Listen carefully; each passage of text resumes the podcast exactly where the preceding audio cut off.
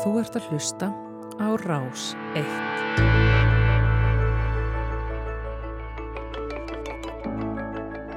En já, það er fymtudagur og sérfræðingur vikunar hjá okkur að þessu sinni er hún Silkja Dögg Sigurjón Stóttir, sérfræð, sérfræðingur hjá Eblu, verkfræðistofu. Velkomin.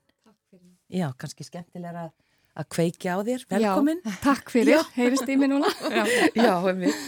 Uh, og við ætlum aðeins að tala um uh, svona það sem þú erst ja, sérfræðingur í sem er mikla og rakaskemdir í hýbílum uh, og svona kannski byrjum bara almennt á því að því þú ert búin að vera í þessu hvað í 16-17 ár? Já.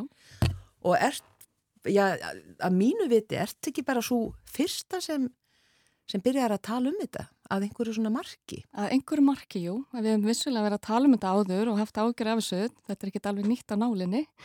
En jú, fyrir 16-17 árum þá hérna lendi ég því sjálf að búa með rakaskemdum og miklu og, og er þá líffræðingur. Þannig að ég ákvaði að nýta mér það nám og þekkingu sem ég hafði til að sérhæfa mig í þessum málum. Og síðan þá er ég búin að, sagt, það var frumkvöðla fyrirtæki, Hús og Hilsa, sem var til og hefur núna runnu inn í eflu verkfræðistofu. Þannig að ég er, og okkar teimi er búið að rannsaka hvaða og vel á næstu 10.000 byggingar í dag. Þannig að við erum með reynsli eins og málum. Já. Það er óhætt að segja það. Já. Þannig að þú komst inn í þetta að því þú varst sjálf fyrir þessu. Já, í rauninni var þetta svolítið þannig að líffræðingur lendi í þessum aðstæðum og þurfti bara að lesa sér til og læra. Já. Og þannig er ég með þessa þekkingu sem ég er með í dag og þá reynslu. Já. Og varstu lengi að koma að staði hvað þetta væri? Já. Ég, þó maður hafi verið að læra líffræði um sveppi og miklu annað, þá var þetta eitthvað sem að, mér dætti ekki hug þegar að fjölskyldan okkar varð veik í okkar húsnaði. Hvernig lísti það sér? Eh, það var ansi flókið og við erum fjagramanna fjölskylda þó kom ólíkt fram hjá hverju einu. Þannig að það var ennþá flóknar að festa fingur á það hvað var í gangi. En við áttum okkur svolítið á því að, að enginin minguðu og hurfu þegar við vorum ekki heima og við heldum að við þurftum bara að búa á spáni til dæmis. Að, að, já, já. Þetta var í hitin já. en síðar komist við að því að það var ekki. Og hérna einmitt er unni fyrsta skýrsla sem að Náttúrfræðistofnun Íslands eða önnur eða fyrsta önnur skýrsla sem er Náttúrfræðistofnun Íslands vinnur er einmitt okkar hýpili um þessi mál. Og þá byrjaði boltin að rúla og fyrirtækið mitt var stopnað tve, tveimur árun setna í rauninni bara af eftirspurt vegna þess að fólk frétti af þessu og og fór að ringja inn og ósk eftir að ég kæmi að skoða þau og ég þurfti það bara koma mér upp únað og tækjum og kannski gaman að segja frá því að þegar ég er að kaupa mínu fyrstu rakamæla sem við notum til að raka skema og finna þessi rakasvæði að þá eru fagadilar og tryggingafélög ekki öllu jafna að nota rakamæla. Þannig að það er kannski líka hlut af því þegar ég er að byrja að ég er að finna rakasvæði einsum stöðum sem að aðrir höfðu ekki fundið mm. að það var mjög auðvilt að slá það af sem það væri ekkert vandamál. En núna er staðan önnur, ég er til dæmis búin að vera með námskeið hjá yðunni í Raka og Miklu, þrjú námskeið sem er búin að keira núna í 11 ár, sem fagæðilar sækja í endumendun og gaman að segja frá því að í dag eru flesti fagæðilar sem sækja allan þessi námskeið komnir með rakamæla til þess að raka skima og finna þessi svæði þar sem hætta á þessum vandamál. Já, einmitt og þetta er svo falið, eða getur verið það? Já, svona tölfræðilega þá má segja að bara í 15-20% tilfella er þetta sínlegt. Og þess vegna er það svo mikilvægt að fagaðili sem þekki til, skoði og meti og reyni að finna vegna að þetta er byggjur og reynslu og þekkingu fyrst og fremst og að nota tækin og tólinn rétt sem ég vil gerðan segja að rakamælur og vasaljós kemur þér lengst í svona rannsókn. Já, mm. einmitt. Og vasaljós, já. Já, en þetta er ekki inn í eins og til og með sem er eh, setur fyrir vara um ástandsskoðun á fastengnaköpum. Þú getur óska eftir að það sé sérstaklega rakaskimað og skoða fyrir hérna miklu og raka í, hjá einhverjum fyrirtækjum sem búða slikt og rauninni mæli ég með að það sé í rauninni innifali vegna þess að byggingarnar okkar skemmast út að raka. Þegar við erum að skipna glugga og þegar við erum að viðhelda þá er það yfirlega því að raki er að komast inn í húsun okkar. Þannig að það ætti rauninni að vera hluti af allir ástandsskoðun að kanna hvort það eru raki að koma inn fyrir eins og ég kalla oft veðu kópan á húsinu mm. sem á að halda vatni. Já Eh, ég man bara í byrjun þegar þú varst að byrja að það voru, já, hávara rættur um að þetta væri bara algjört bull og vittlisa. Já, algjörlega. Að það rættir heyrast í miður ennþá. Já. Og stundum upplifi ég eins og fólk haldi þetta séu trúabröð að fólk hefur sagt já, ég trú ekki á miklu.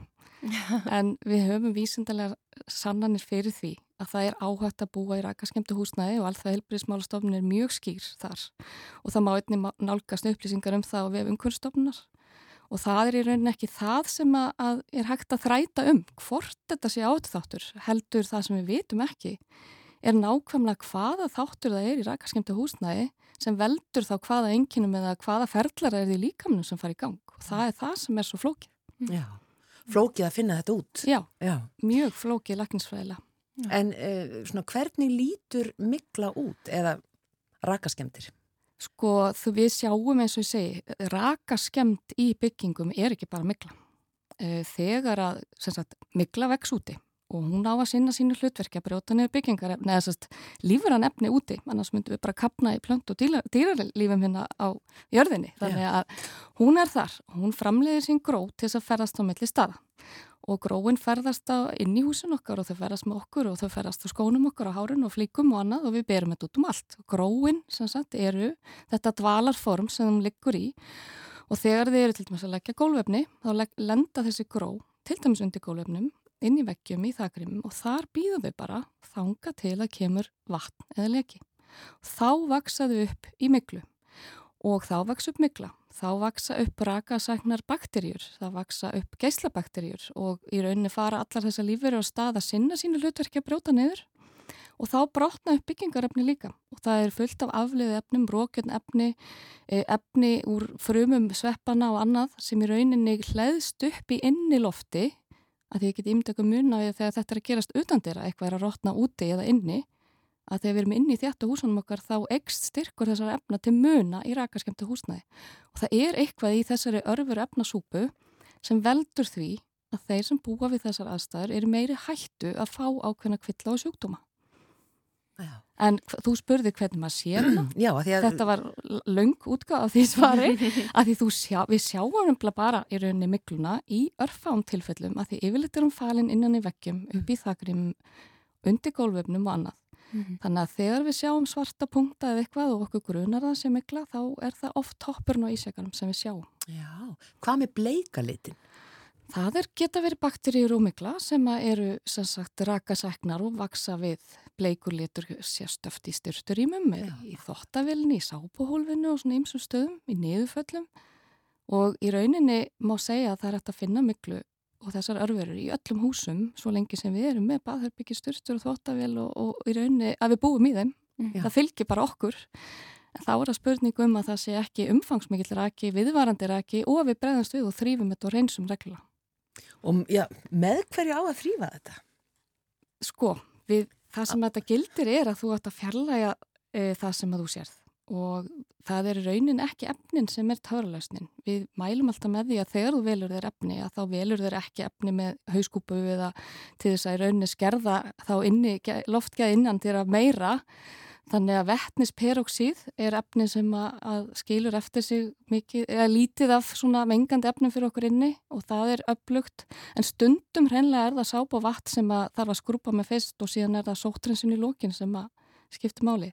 Þannig að það er ekkert svona eitt svar við þessu, það er í raun ekki efnin, mm. það er það að fjarlæga raka skemdu efnin sem þú sérð, skrapa, slýpa eða þurka af. Mm -hmm. Einstakasinnum er hann bara á yfirborði, til dæmis við rúður og það er einmitt núna, núna í janúar og februar hefur mikið verið hringt vegna þess að það er að sjást mikla við rúður og það er ekkit óeðlegt að því við erum að sveplast og milli mikill að frosta og, og, og þýðu Já. og þegar að frostið er að þá gráta rúðurnar hjá okkur og það er akkurat staðurinn því þar hafa sapnast fyrir rík, gagnur annað sem það geta nýtt sér sem fæðu og þar vaksaður upp nema við fylgjum með og, og hérna þrýfum þá í burtu reglulega. Þannig í rauninni er ekkert vandamál í húsinu þó að það vaks upp í rúðunar en það er eitthvað sem við getum sjálf svolítið stýrt og, og hjálpa til við að halda neyðri. Mm. Mm. Já, einmitt. Þú nefndir ákveðna svona vantrú á, áðan. Er, hérna, er fólk ekki bara misviðkvæmt fyrir þessu? Jú, þú svo er það að allir áhættu þættar að þegar ég er nú líðsugráðu gráðu líka að þegar við tölum um áhættu þátt fyrir helsu þá er það auðvitað þannig eins og með allt annað að við mis, bregðumst mismandi við. Og ég nefna oft sem dæmi að við fáum COVID og mm hérna við bregðumst mjög mismandi við og það sama má segja þarna og við vitum ekki hvað hópi við setjum, Vist, hvort að við erum snögg að bregðast við annað. Og nýjustu kenningar er um að að skert loftgæði með þessum, þessar örfið efnisúpu í rauninni séu ekki góð fyrir neitt en það eru ákveðna aðlar sem finna ansi fljóta enginni og aðri síðar. Þannig að jú, það er mismunandi. Áttilutvelli er 20-40% í húsnæði sem finnur þessi enginni. Mm. Mm. Og svona getur, já mikla eða svona þetta grass er að lengi, getur, teki, eða, sko, uh, getur þetta haldið áfram í ára tögi? Sko ef að það er viðvarandi raki e, eða það er falin skemmt einhver staðar, þá er hún til staðar og það er eiginlega svolítil áskurum fyrir okkur sem ráðgjafa í þessum málum að, að stundum það sem eru aðtöðasendur í húsnæði, þá erum við með þetta fást við svæði það sem hefur lekið kannski gegnum árin, glukkar eða annað, það búið að skipta glukkana og lekin er ekki lengur til staðar en afleðingar lekans eru ennþá innan þeirra og er að tröfla fólk og rannsóknir sína að þurr svæði þar sem hefur þetta allt, vistkerfið hefur farið á stað mm það hefur áhrif á heilsokkar og það er meira sem bara eitt af því algengasta sem við erum að sjá. Það eru eldir rakaskemdir undir glukkum, undir dúkum, sem, mm. það sem er búið að skipta um glukkana en ekki búið að bregðast við innandira. Mm. Við höfum ekki alveg verið nógu meðvitu hérlendis með að ganga allar leið, laga úti, stoppa lekan og fjallaga skemmt byggingarefni inni og líka kannski að því að við eigum erfitt með að sjá það og meta það. Já. Eitt bara í lokin, er að segja áður en við förum yfir í spurninga, þannig að við ætlum að fá eitt lag hérna eftir. Uh, hvaða, uh, alveg data, alveg úr mér það sem ég ætlaði að segja, þetta er COVID-þokan sko? Já. Já. Jú, það, núna mann ég það. Það er þetta með byggingar, uh, byggingarrannsóknir, svona hvernig... Já. Svona eru við komin eða stígu við jafnfætis við þessa vittnesku, þessa þekkingu í þessum bransa? Byggingabransanum? Já, ekki jafnfættist og við nákvæmlandin okkar og það sem að, að, að við höfum ágjörðað í dag er að rannsónastofn byggingalega innanins var lögð niður og það er pínulítið óljóst hvað teku við og við þetta er stærsti, hvað maður að segja, yðnaða landsins veldir 100 miljard, hvað, 100 miljard ári og mörg störf í húfi og, og, og, og hvað maður að segja, Afurðin er það sem við búum í og, og viljum og þetta er mikið fjárfesting í húsnæði. Þannig að prósentan af því sem fer í rannsóknir í dag er, er askur með sjóð sem er 95 miljónir sem að ef við setjum það í samengi er verða á 34 herrbækja íbúð fyrir allan byggingareðinaðin og til þess að við getum lært af reynslu og þekkingu og verið með gaggrindar aðferðir sem virka á Íslandi, að því við búum líka við áskorun að húsin okkar standi hérna úti þá er ekki gott að hafa tilhörnustöfuna út á, á byggingareiðina að markaði þar sem oft er það eigandin sem að þarf að súpa segði af því. Við viljum fá sagt, við reynum aðferðir og efni áður en það fer í nótkunn og þá eru það byggingaransóknir sem eru mikilvægir og síðast en ekki síðast mikilvægt að miðla þá þeirri reynslu og þekkingu sem þar kemur fram og í þá mentastofnunir og þetta fari inn í sagt, kennslu Já. hjá fagæðilum. Þannig að þetta er staðan í dag? Þetta er því miður staðan í dag mm. og bara vonandi, vonandi mun það breytast að, að við áttum okkur á því hvað þetta er mikilvægur yðnaður af því að við búum öll í húsum og við vinnum öll í húsum. Þannig að það skiptir samfélagi gríðilegu máli. Já. Silke Dögg Sigurðansdóttir sérfræðingur hjá Eblu verkfræðistofu og lífræðingur og líðhelsufræðingur. Já. Við ætlum að fara yfir spurningarnar sem við fengum sendar hér á eftir en fyrst er það eitt lag. Ertu Úlfur með Emilínu Torini?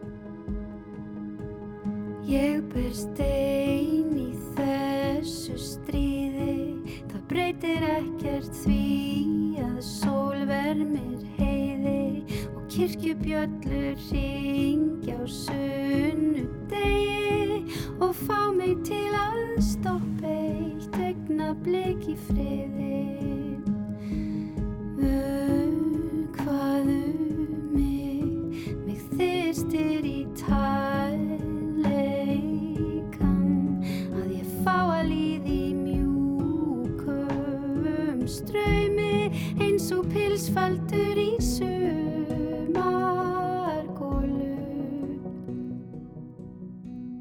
Ég vil vakna þakkinn dög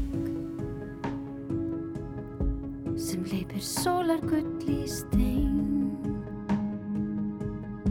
sem situr þungur í maga mér sem fastast. Ljósið færan til að kristallast gladly.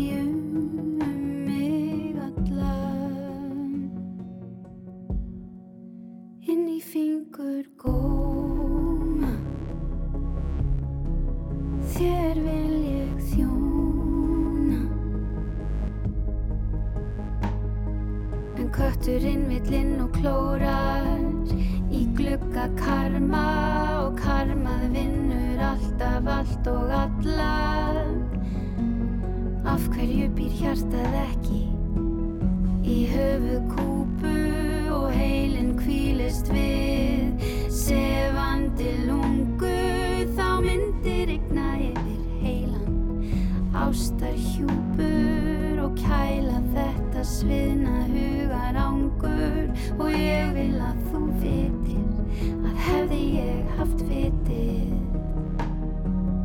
hefði ég dansað við þig bara. Ég ringsólast í törum og skuggasælu til ég veltist um í tjörum og hvítum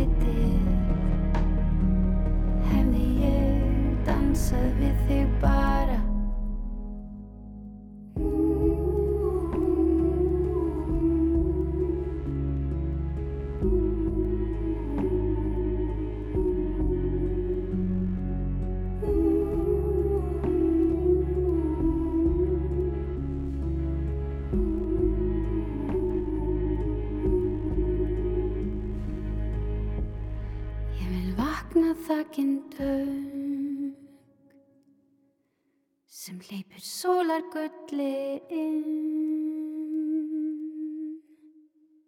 Já, Já, þetta var Vertu Úlfur, títillag leiksýningarinnar Vertu Úlfur í þjólkusnu já. og Emiliana Torini flutti lag, eigilag og samt þetta á samt marketu Yrklófa. Og við sitjum hér með sérfræðing vikunar, það er hún Silkja Dögg Sigurjónsdóttir, sérfræðingur hjá Eblu verkfræðistofu og við erum búin að vera að tala um miklu rakaskemdir í hýbílum og áhrif á heilsu og svona hvernig þetta lítur út og allt mögulegt. Og nú er komið að spurningunum og eh, svo fyrsta sem við ætlum að eh, spyrja, hún hljóma svona, heil og sæl, er með spurningu varandi ris íbúð sem ég keipti fyrir tæplega þremur mánuðum síðan. Það er þungt loft þegar maður kemur inn í íbúðuna eins og jarðarlikt eða viðarlikt sem ég held að myndi þá hverfa fyrir nú eru bráðum þrýr mánuðu síðan það var lagt parkett á íbúðuna. Eh, ég óttast miklu og er óörug varandi þetta. Hvernig er best að snúa sér í svona aðstæðum? Ef hér fyndist mikla, hver er þá réttur minn varðandi fyrri húsegundur eða tryggingar? Já, ok. Eh, Hvernig er best að snúa sér í þessum aðstæðum? Eh, Þegar við erum að tala um risýbúðir, þá erum við oft kannski í steiftum húsum og erum í risi þar sem við erum undir timpur þaki Og þá skiptir máli að hugsa hversu gamalt er það ekki. Það er ákveðin líftími á öllum byggingar hlutum eins og þökum og í rauninni bara er líkur það kannski mest þá undir grun fyrst að þessi líkt þetta staðar að fá fagaðilega til að kanna ástand á þakki. Þá loftun og, og rakavörn og ástandi á þakviðum. Mm. Það væri mhm. svona fyrsta skrefið og hver er þá staða hvort eh, þá tryggingafélagi til dæmis segjum, segjum sem svo að það væri einhver vandamál í þakki þá koma tryggingar ekki nálagt öðrum tjónum en þeim sem koma óvand úr lögnum húsins. Mm. Þannig að það, það er ekki hluti af, af ég, ég er nú ekki kannski sérfræðingur í trygginga hérna málum en, þetta er þó það sem ég veit. Mm. Og gagvart þá fyrir seljanda annað, nú er það þannig að skoðanda, skilda, kaupenda er mjög rík hérlendis og í rauninni e, þegar maður er að kaupa húsnæði og það er bara gott að vita að þá þurfum við svolítið að skoða vel, við þurfum að skoða aldurhúsins og líftíma, hva, á hvaða líftíma eru byggingarefni komin og annað þannig að ef að það er einhver galli eða annað sem að kaupandi hefði mátt vita og hann er umfram 10% af kaupverði þá er hægt að skoða það hver réttur er en ég held að lögfræðingur getur nú betur svara þessu heldur en ég en þetta er svona almenna regla. Mm. En svona það, segjum þetta sé fríbíli eða eitthvað slíkt. Eh, taka þá allir hinnir þátt í svona þak viðgerð? Sko í, í fjölbílisúsalögum það er það þannig að þak og, og, og til dæmis botplata og í rauninni útvekkir eru samegn og ákveðna skilgarningur á því þannig að í rauninni er húsfélagsins að tryggja veður hjúpurinn haldi vatni þannig að það ekki er þá meðtalið. Mm, Ennmitt. Já, vonum að þetta hafi hérna svarað þessari spurningu. Já, þá fyrir við í næstu spurningu sem er hljómar svo. Góðan dag, getur mikla myndast undan potli sem staðið hefur á gólfi í cirka 30 mínútur. Það sér ekkert á gólefninu eða neinu en getur samt verið slíkt í gangi undir þótt maður sjáu ekkert. Kötturinn á heimilinu heldi óvart úr skúringafötu hjá okkur á gólf og við tókum ekki eftir því fyrir en eftir cirka hálftíma. Hvað ættum við að gera til að vera viss? Svona þumabutareglan er að gróin sem ég talaði um aðan og ferðast út um allt og lenda á gólfinu og undir gólfinu þau þurfa vatn viðverandi ákveð vatn í 24-48 tíma. Þannig að við náum að bregðast við og þurka á þeim tíma og við vitum að vatnið fór ekki inn í vegg eða undir gólvefni eða eitthvað annað, þá þurfum við ekki að hafa ágjör af því. En ef maður vill vera alveg viss að þá er það eina leiðin, er að opna upp og skoða. En ef það er þannig að vatnið fór ekki og liggur einhver starf að við sjáum það, að þá þurfum við öllu jafn ekki að hafa ágjör af því. Já. Mm. Og svo kannski fyrir þetta eftir hvað pollunum var stór. Já, einmitt. Já, einmitt. Eh, hérna kemur nú einn spurning sem kemur aðeins inn á þetta sem við vorum að tala um hér áðan um þá sem svona trúð ekki á þessa umræðu og kannski ger ekki enn. En eh, sælsilkja, ég manna eftir þegar þú varst að byrja að tala um raka og miklu en þá eru fáðir, fáir sem trúðu á þetta og fannst þetta bara að vera vittleisa. Ég lendi sjálfur í því að verða veikur að miklu á mínu heimili og hef ekki notið fullarar heilsu síðan. Getur þú útskipt hvað er sem veldur heilsufarsvanda vegna miklu og skipti máli hvers eðlis miklan er? Já, ég, ég ætla nú ekki að fara þetta að hála nýs og svara einhverjum læknisfræðilegum spurningum hérna en svona það sem maður þekkir og, og getur líka sagt frá reynslu er að e, það er sem sagt vel rannsakað með asma og ofnami og það er einna best rannsaknað. Önnur, engin og langvinn krónisk viðbröð eru minna þekkt en þau eru af reynslu vissulega til staðar og eru oft, uh, hvað maður segja, langvinn og, og áframhaldandi þannig að það er einhver önnu ræsing í ónumiskerfinu eitthvað sem fer á stað við þessa örfur efnasúpu og það er akkurat þessna sem við vitum ekki orsaka tengslinn, það er að við vitum ekki nákvæmlega hvað kveikir á og hvað fyrir af stað. En reynslan er svo að fólk getur verið með langvinn einkinni áfram og er næmt áfram mm. og það er í rauninni þannig að við vitum ekki alveg hver það er en mér langar til að segja einmitt að langvinn COVID minnir mikið á þessi enginni það er að segja að þegar að veirusíkingar það er vel þekkt að eftir veirusíkingar verði svona lang, langvinn krónisk viðbröð og þetta er svolítið svipa þannig að vonandi fáum einhver svör af því að það er verið að rannsaka þau enginni svo vel. Já, akkurat. E, og næsta spurning er nú svona kannski bara beint framhalda því að þessi spyr uh, skiptir máli hvers eðlis miklan er og þá er næsta spurninga einmitt um litin Já, hvort, hvort að svört mikla sé versta miklan og af henni mesta gróin Já, sko, svörtmikla eða stakkibótriskartarum er köllu svartmikla. En það eru fullt af öðrum tegundum sem eru svartar. Þannig að þó við sjáum svarta bletti þá er það ekki endilega hún sem er til staðar. Það sem er sérstakt við hana, hún getur einmitt mynda þessi miklu sveppa eitur efni sem eru skadleg. Við vitum að þau eru skadleg en við vitum ekki hversu mikið magn eða annað þarf til þess að við fáum fram enginni. Þannig að það eru svona áhættu flokkarjú í þessu miklu tegundum En á meðan við vitum ég að blítið og við vitum í dag um afleggingar þessar efna þá eru þær tegundir sem framlega þessi mikotóksin talin vera varasumst og það eru nokkra tegundir, ekki bara svartmikla. Já, mm -hmm. þetta er svaka frumskór. Hvað, hvað er, eru margar tegundir af miklu til? Eh, 100 til 200.000 og við erum ekki búin að finna allar. Þannig að... Já, og þarf maður alltaf að kalla til sérfræðing til að greina þetta? Já, í rauninni þartu að fá sérfræðing til að fá mat á því hvað það er. En, en til dæmis við tökum oft DNA síni af reiki og þar er skimað fyrir 30 tegundum, þetta er svona QPCR eins og COVID-testin líka. Og þá erum við að fá fram þessa tegundir, það eru ákveðna tegundir sem eru kennimerki fyrir rakaskemtir mm. og svartmikla vex einmitt þar sem er mikill raki, hún vex ekki þar sem er lítill raki. Mm. Já, hérna, þetta er svo fróðlegt, maður hérna bara hefði þurft að hérna, mæta með glósubók með sér, ég þarf alltaf að hlusta á þetta aftur. Já. En uh, hér er önnu spurning, uh, ég er eina af þeim sem er að leita íbúð þessa dagana og stundum detta inn íbúður þar sem tekir fram að leki sé eða hafi verið á einhverjum uh, stað í íbúðinni. Er þetta eitthvað sem hægt er að laga eða ætti maður ekki að kaupa þessar íbúður? Sko ef við ættum ekki að kaupa íbúðir sem hafa lekið þá getum við ekki keift held ég eina einustu íbúð á Íslandi. Þannig að ég vil meina að einhverjum tímapunkti er eitthvað sem lekur. Og við segjum alltaf í eplu að það er svona okkar slagur, það er allt mögulegt. Sem þýðir það að það er hægt að laga allt og það skiptir bara máli að það sé fagaðili sem það ekki til mm. sem lagar.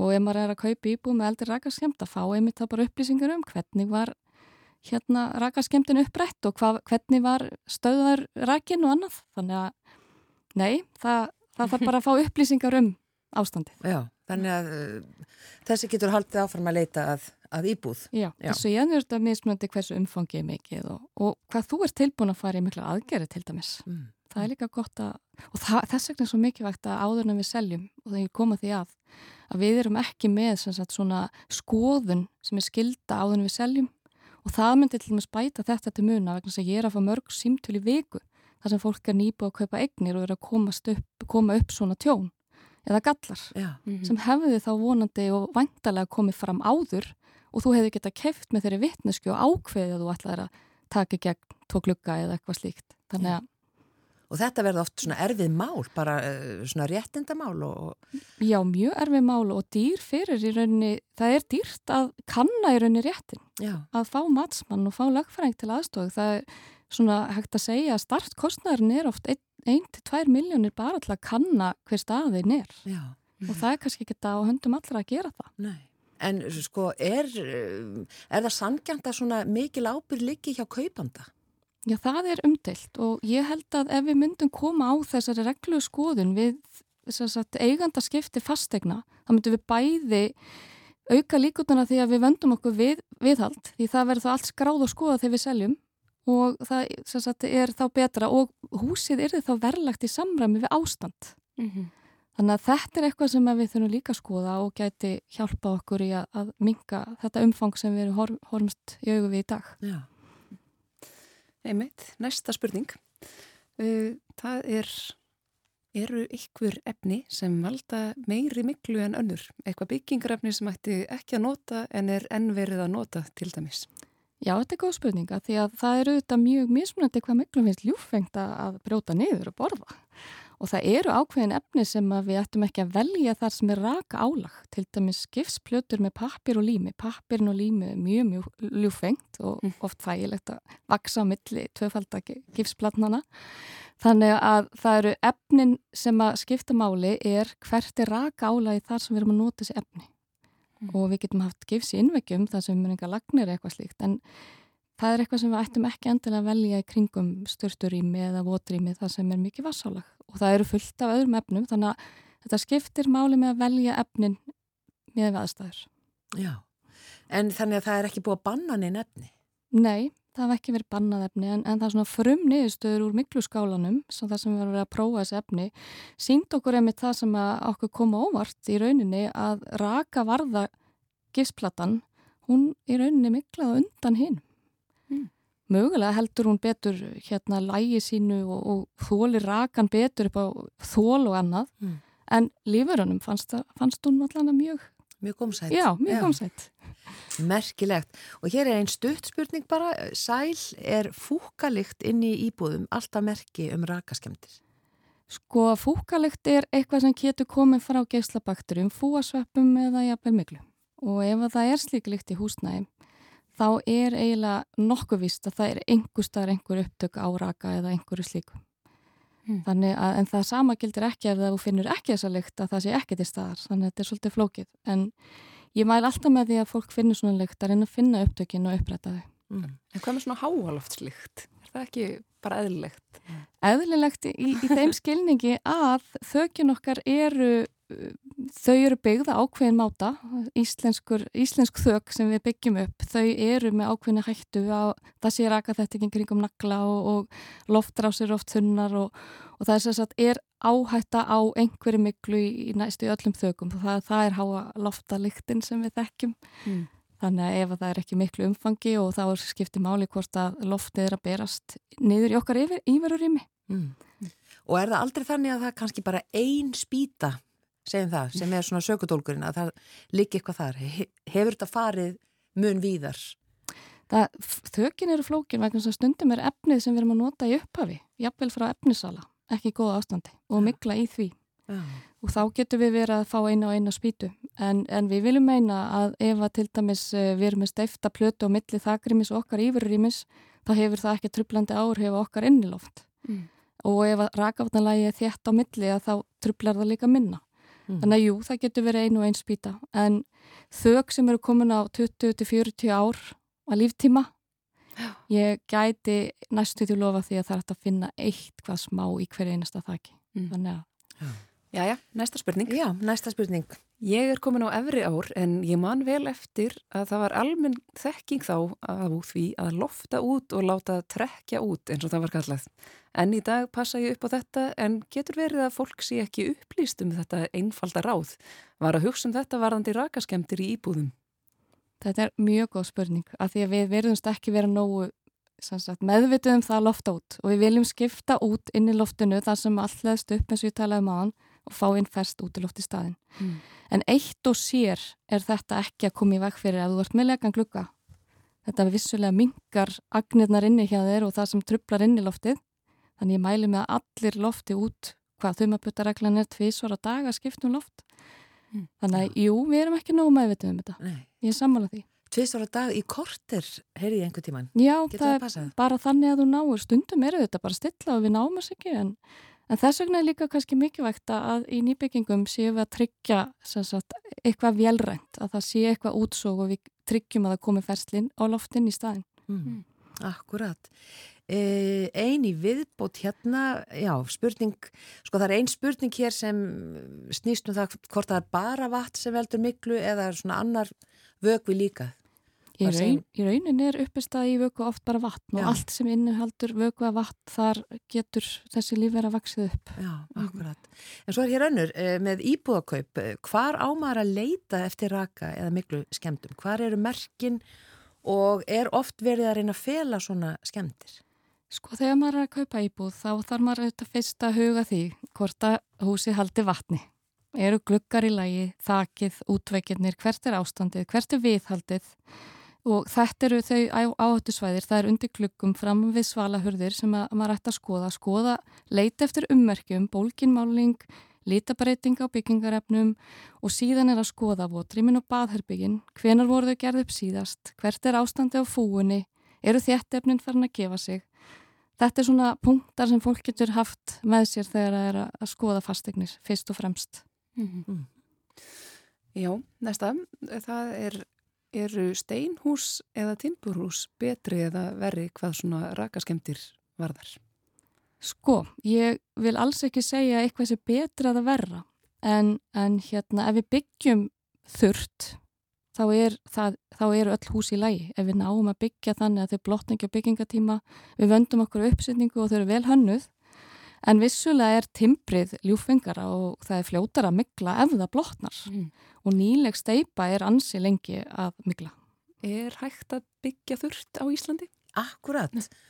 Það er hægt, það er hægt að byggja yfir, það er hægt að velja byggingatíma og það er hægt að veita ákveði raka öryggi, er, það er eitthvað sem við jafnlega með einmitt að innleiði okkur þjónustu, að vera með raka öryggis áallanir í gangi og þá er það þannig að, að til dæmis eh, framleiðendur CLT eininga, þeir leggja það til að við byggjum þurft þegar við erum að byggja slík hús Mm -hmm. og það er eitthvað sem við þurfum að taka til skoðunar.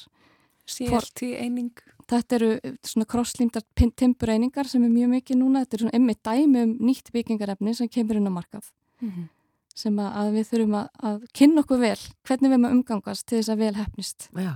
Einmitt. Næsta? Já, er það ég eða þú? Þú. Já, eh, góðan dag.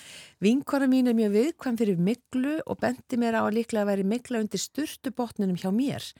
Uh, umræðir steiftan flísalaðan botn en mér minnir að baðherbergi hafa verið gert upp fyrir tæpum 20 árum. Er knýjandi að fara í aðgerðir ef ég finn sjálfur ekkert fyrir þessu? Já, þetta er rauninu tvíþætt. Þú gætir verið með reynlega bara miklu í fúinu og yfirborðinu eftir sápuleifur og annað sem þetta hreinsu upp. En það sem skiptir máli er hvort það er komin raki sem að komist á baku flísarnar í flísalimið eða inn í, inn í veggina á baku flísarnar. Þannig að ég segi já, þá alltaf að bregðast við að uppræta ef það eru rakaskemdir því það er náttúrulega að skemma eignina þeina Mm. og í rauninni ættum við kannski ekki að býða eftir allir séu með enginni til að bregðast við því. Það er svona meira svona forvarnargildi. Mm. Já. Veist, við, við förum og látum laga bremsurnar þegar að byrja að bila. Einmitt. Já, það þau næsta. Það er, við er erum í hérna, númer, númer 13. Já, já, við, við hoppuðum hérna yfir hvað kostar að láta Já. mæla miklu í heimahúsi og hversu langan tíma tekur það og er eitthvað sem maður getur sjálfur gert í þeim efnum. Já, það við bjóðum upp á heimilisskoðanir og þær eru á bylnu 65 til 150.000 krónur eftir hvað er gert og við í rauninni fókusurum á það að finna rakaummerki, við rakaskimum og þar sem er raki þar er hætta. Og ef við þurfum að taka síni þá tökum við síni þar. Þannig að já, það er í bóði en það sem þú getur gert sjálfur er einmitt ef þú ert vopnaður góðu vasaljósi að lýsa niður eftir veggjum og skoða er einhversta ummerki? Að því við sjáum þetta oft ekki nema að lýsa með vasaljósinu beint Mm. niður eftir veggjónum og einmitt að kanna er einhversta lekar? Er einhversta eitthvað þekkt sem að þú veist að er í gangi? Eða er einhver lykt eða annað en þessi skyndi próf eru svolítið erfið að, að þau eru stundum kollið miklu próf en þau eru prótinpróf og mér langar einmitt að minnast á það að ef maður notar slíkt próf og það er verður hvað fjólublátt ef það er eitthvað í, gangi eða eitthvað í ólægi að þau í rauninni verða öll fjólublá eftir ákveðin tíma þannig að, Mm. og þau geta svarað öllum prótín þannig að það er mjög erfitt ofta að meta hvað þau eru að segja okkur Það er eitthvað svona heimapróf. það er Já. heimapróf Mm. getur hjálpað en getur líka svolítið svona stundum hef ég orðið varfið að valdi svona aukinni ræðslu að nota þau að því þau svara svo oft jákvætt en það er kannski ekki það Já. Já, akkurat. E, hér stendur, já, hér er einn spurning, mér hefur þótt bera töluvert á því í umræðinni að mikla sé að greinast í glænýjum húsum og þykir mér það heldur undarlegt. Hvernig stendur á þessu? Já, ef við hönnum ekki nógu vel og ef við framkvæmum ekki nógu vel og veljum ekki efni sem henda í hverju tilfellið, hvort sem það er nýtt eða gamalt, þá er hætta á því að það leki inn í húsið annað. Þannig að ný hús eru ekkert undanskilin. Nei. Vissulega er steipa, sem sagt, hvað maður að segja, hún miklar ekki fljótt og annað en, en þetta snýst bara allt um gæði bygginga. Já. Mm. Þetta er, já, þetta er, þetta er mikill hérna, frumskóur að fara í gegnum þetta. Það er svo ótrúlega margt einmitt, sem þarf að taka tillit til. Það er svo margt sem við þurfum að laga og skoða. Það er fönnunaferli, framkvæmtaferli og, og já, það er mjög margt sem við þurfum að gera til að fá betri byggingar. Já. Já. Er- E, bara Já. næsta spurning. Já, Er það ekki bara? Við höfum tíma. Við, höfum enn tíma. Kondu sæl Silkja, nú lekur reglulega hressilega inn á gólf á stegapallinum fyrir framann íbúðuna hjá mér vegna óþjættrar svalahurðar. Ég veit að viðgerðir á hurðinni og tréverkinu í kringum hana eru mjög aðkallandi og hefðu átt að vera fyrir löngu frágengnar en er nöðsynlegt að rífa upp teppið vegna hættu og miklu undir því er steingólf. Takk. Já, í rauninni þar sem lekur og við erum að með teppi, gólvefni eða, eða sagt, eitthvað annað en flýsar. Flýsar eru ansi, þóla ansi mikið álag mm.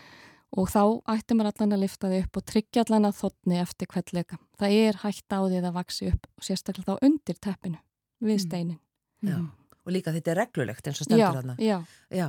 En taland um flýsar og svona flýsalagnin og sér maður oft í, í baðherbyggjum að það eru, sem sagt, veggirnin eru eru hálf flísalaðir og svo er bara steipa hérna restin er betra að flísalegja eiginlega alveg upp í, upp í loft sem sagt yfir hæð sturtunar til dæmis. Sko í rauninni eru nefnilega flísar ekki vassvarna lag það er kannski gott að spyrja þess að geta komið því að því að við þurfum að hafa vassvarna lag á bakvið alla flísalögn í rauninni sama hvaða veggur er á bakvið.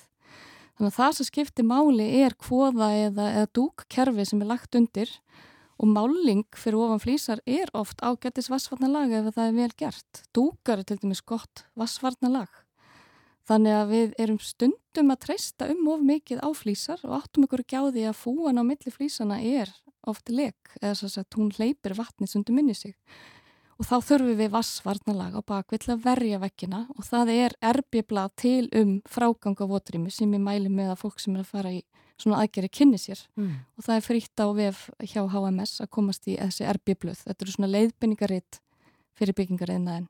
Já, einu mitt. E, svona kannski bara einmitt í lokin, hvar, hvar er hægt að finna einmitt upplýsingar? Þú bendir á HMS e, og hérna punktur is en hjá ykkur, hjá Eblu eða einhverja fleiri síður þar sem fólk getur svona fundið fróðuleik um þetta? Já, ég er endar sjálfa að hérna útbúa í sjálfbúðavinnus síðu það sem ég er að koma fram upplýsingum, ég tek það fram, hún er í vinslu, ég hef ekki sagt frá henni áður en það er innivist.is, það er hægt að finna fullt upplýsingum og það vantar ennþá fullt upplýsingum, síðan er fullt upplýsingum hjá Eblu undir okkar þjónustu liðum Umhverjastofnun er verið mjög góðan bæklingum við bröð og hvernig við erum að hreinsa og annað og tjekklista og slíkt á sinni síðu.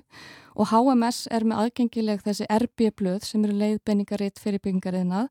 Og þau eru líka með síðu þar sem hafa eru að sapna saman svona upplýsingum fyrir yðnaðin um hvað maður betur fara og, og svona fagefni. Mm. og síðast en ekki síðast langum að nefna að það er faghópur, betri byggingar þar sem við erum með mitt að setja upp síðu þar sem við ætlum að sapna saman þessu efni að því að við höfum það leiðaljósi að byggja betur. Byggja betur, kæra þakkir látum þetta vera að loka orðin Silgjadögg Sigurjónsdóttir, sérfræðingur hjá Eblu uh, verkfræðistofu og við höfum verið að tala hér í næstu klukkutíma um rakaskemdir og miklu í hýpilum og áhrif á heilsu og síðan hvað er hægt að gera og einni svara þú spurningum frá hlustundum. Við þakkum þér kærlega fyrir komina. Takk fyrir mig. Mannlega þáttin. Takk. Þú ert að hlusta á Rás 1.